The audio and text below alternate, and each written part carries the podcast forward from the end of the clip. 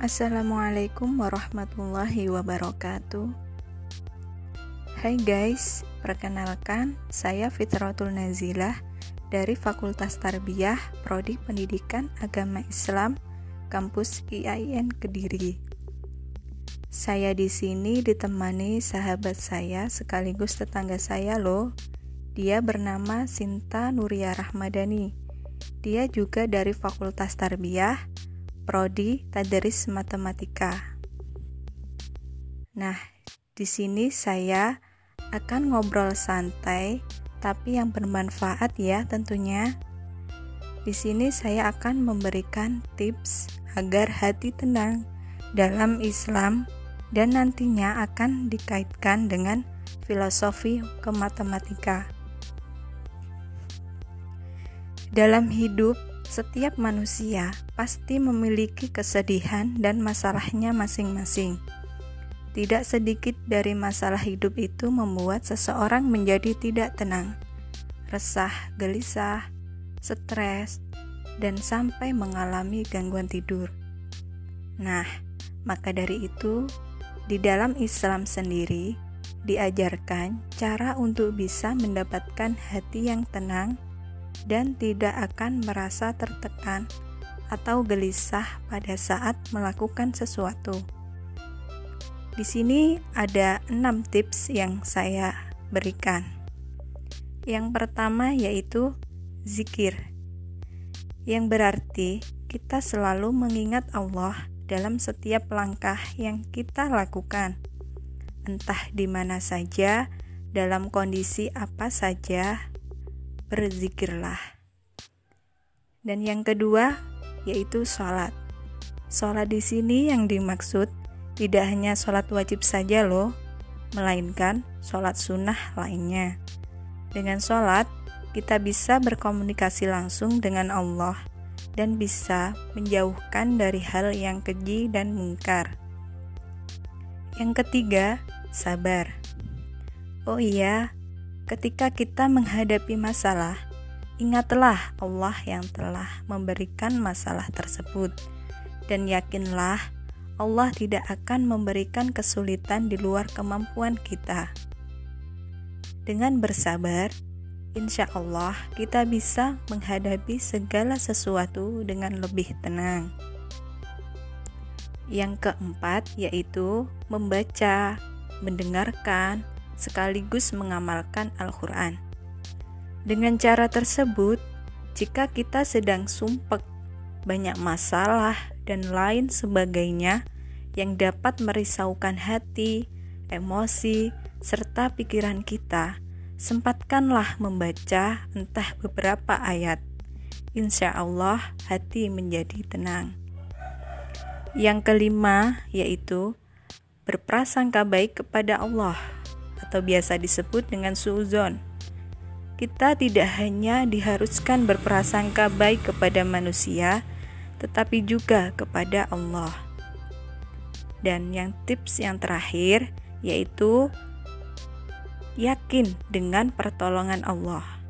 Nah, jika kita sedang banyak masalah, ingatlah dan berdoalah dan sertakan keyakinan adanya jalan keluar berupa pertolongan dari Allah.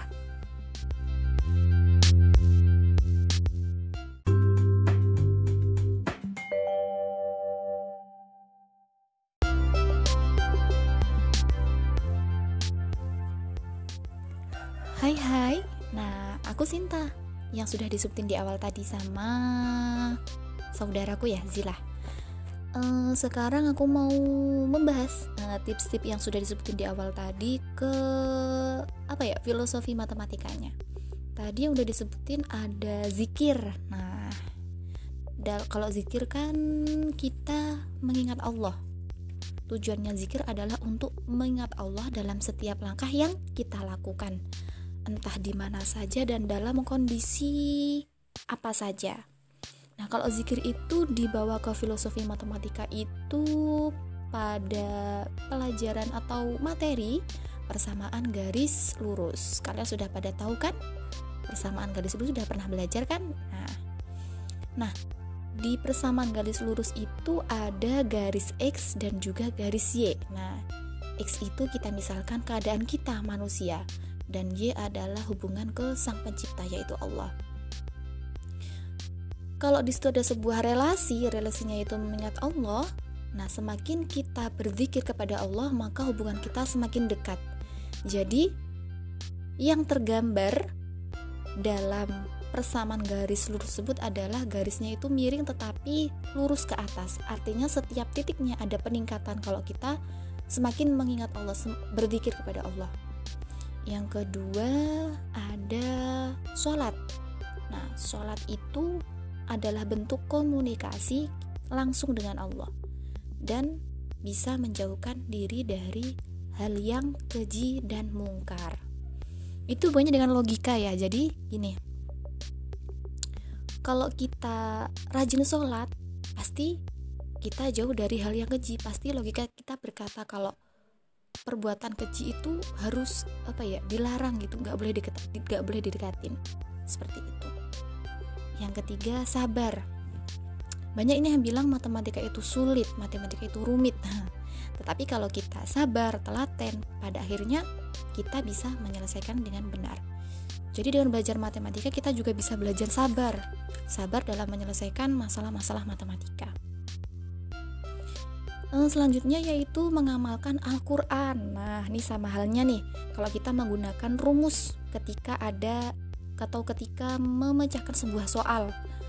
Kalau kita menggunakan rumus dengan tepat sesuai sesuai dengan masalah yang dihadapin, nah pasti akan ketemu nih jawabannya. Sama halnya ketika mengamalkan Al-Quran. Kalau kita mengamalkan ajaran Islam dalam Al-Quran, maka hidup kita akan tenang. Kalau nggak sesuai dengan ajaran Islam atau ajaran Al-Quran, nah sebaliknya, nggak ada tujuan ya hidupnya gitu. Selanjutnya yaitu berprasangka baik kepada Allah. Nah, kalau suatu hal positif ditambahkan dengan suatu hal yang positif, maka hasilnya akan bertambah-tambah positif kan ya. Sama halnya dengan berprasangka baik. Itu kan suatu hal yang positif, apalagi berprasa, berprasangka baiknya itu kepada Allah. Jadi akan bertambah pula kebaikan-kebaikan yang kita lakukan. Hidup tuh akan semakin berkah. Seperti itu. Selanjutnya yaitu hmm, ada satu lagi tips dari aku yaitu berbuat baik kepada semua orang, entah itu saudara, entah itu keluarga, entah itu tetangga. Nah, Hmm, kalau dalam matematika itu pasti semuanya sudah mengenal tentang perkalian positif dengan positif maupun positif dengan negatif. Jadi ketika positif dikalikan dengan positif, maka hasilnya akan positif. Nah, ini ketika kita berbuat kebaikan atau berada dalam waktu, tempat dan orang-orang yang baik, maka hasilnya akan berlipat-lipat kebaikan. Tetapi kalau eh, positif dikalikan negatif, hasilnya akan negatif. Kalau kebaikan itu berada dalam waktu, tempat, dan orang-orang yang kurang baik, maka hasilnya akan berlipat-lipat keburukan. Hmm, tapi tergantung kitanya juga ya, kalau nilainya positif lebih banyak di kitanya, dan di sekelilingnya kita negatifnya sedikit, kita akan bisa berpengaruh positif. Tetapi kalau kita eh, apa namanya lebih sedikit positifnya, banyak negatifnya, kita akan terjerumus ke dalam negatif tersebut pesan lagi nih buat teman-teman semuanya ataupun pendengar, semuanya nah, kalau kita bersedekah berinfak diingat-ingat lagi niatnya kalau hanya niatnya pamrih nah kita perbaiki lagi niatnya. Jangan dengan niat yang jelek. Niatnya itu eh, jadikan bersedekah berinfak itu hanya untuk mendapat ridho Allah mendapat pahala dari Allah bukan dari manusia. Sama halnya ketika angka satu angka 1 itu kalau kita sandingkan dengan angka 0 nah dia kan bernilainya semakin bertambah atau semakin baik. Itu artinya itu. Kalau kita berin, bersedekah berinfak tanpa mengharap balasan nilainya akan baik banyak 10 tapi kalau kita berinfak niatnya hanya untuk dipuji orang pamrih nah maka ada 0 di, di sebelumnya 1 0,1 jadi nilainya akan semakin berkurang. Seperti itu. Mungkin itu saja tips dari kita berdua ya Semoga bermanfaat bagi pendengar semuanya, semoga bisa diamalkan bagi pendengar semuanya. Saya akhiri, wassalamualaikum warahmatullahi wabarakatuh.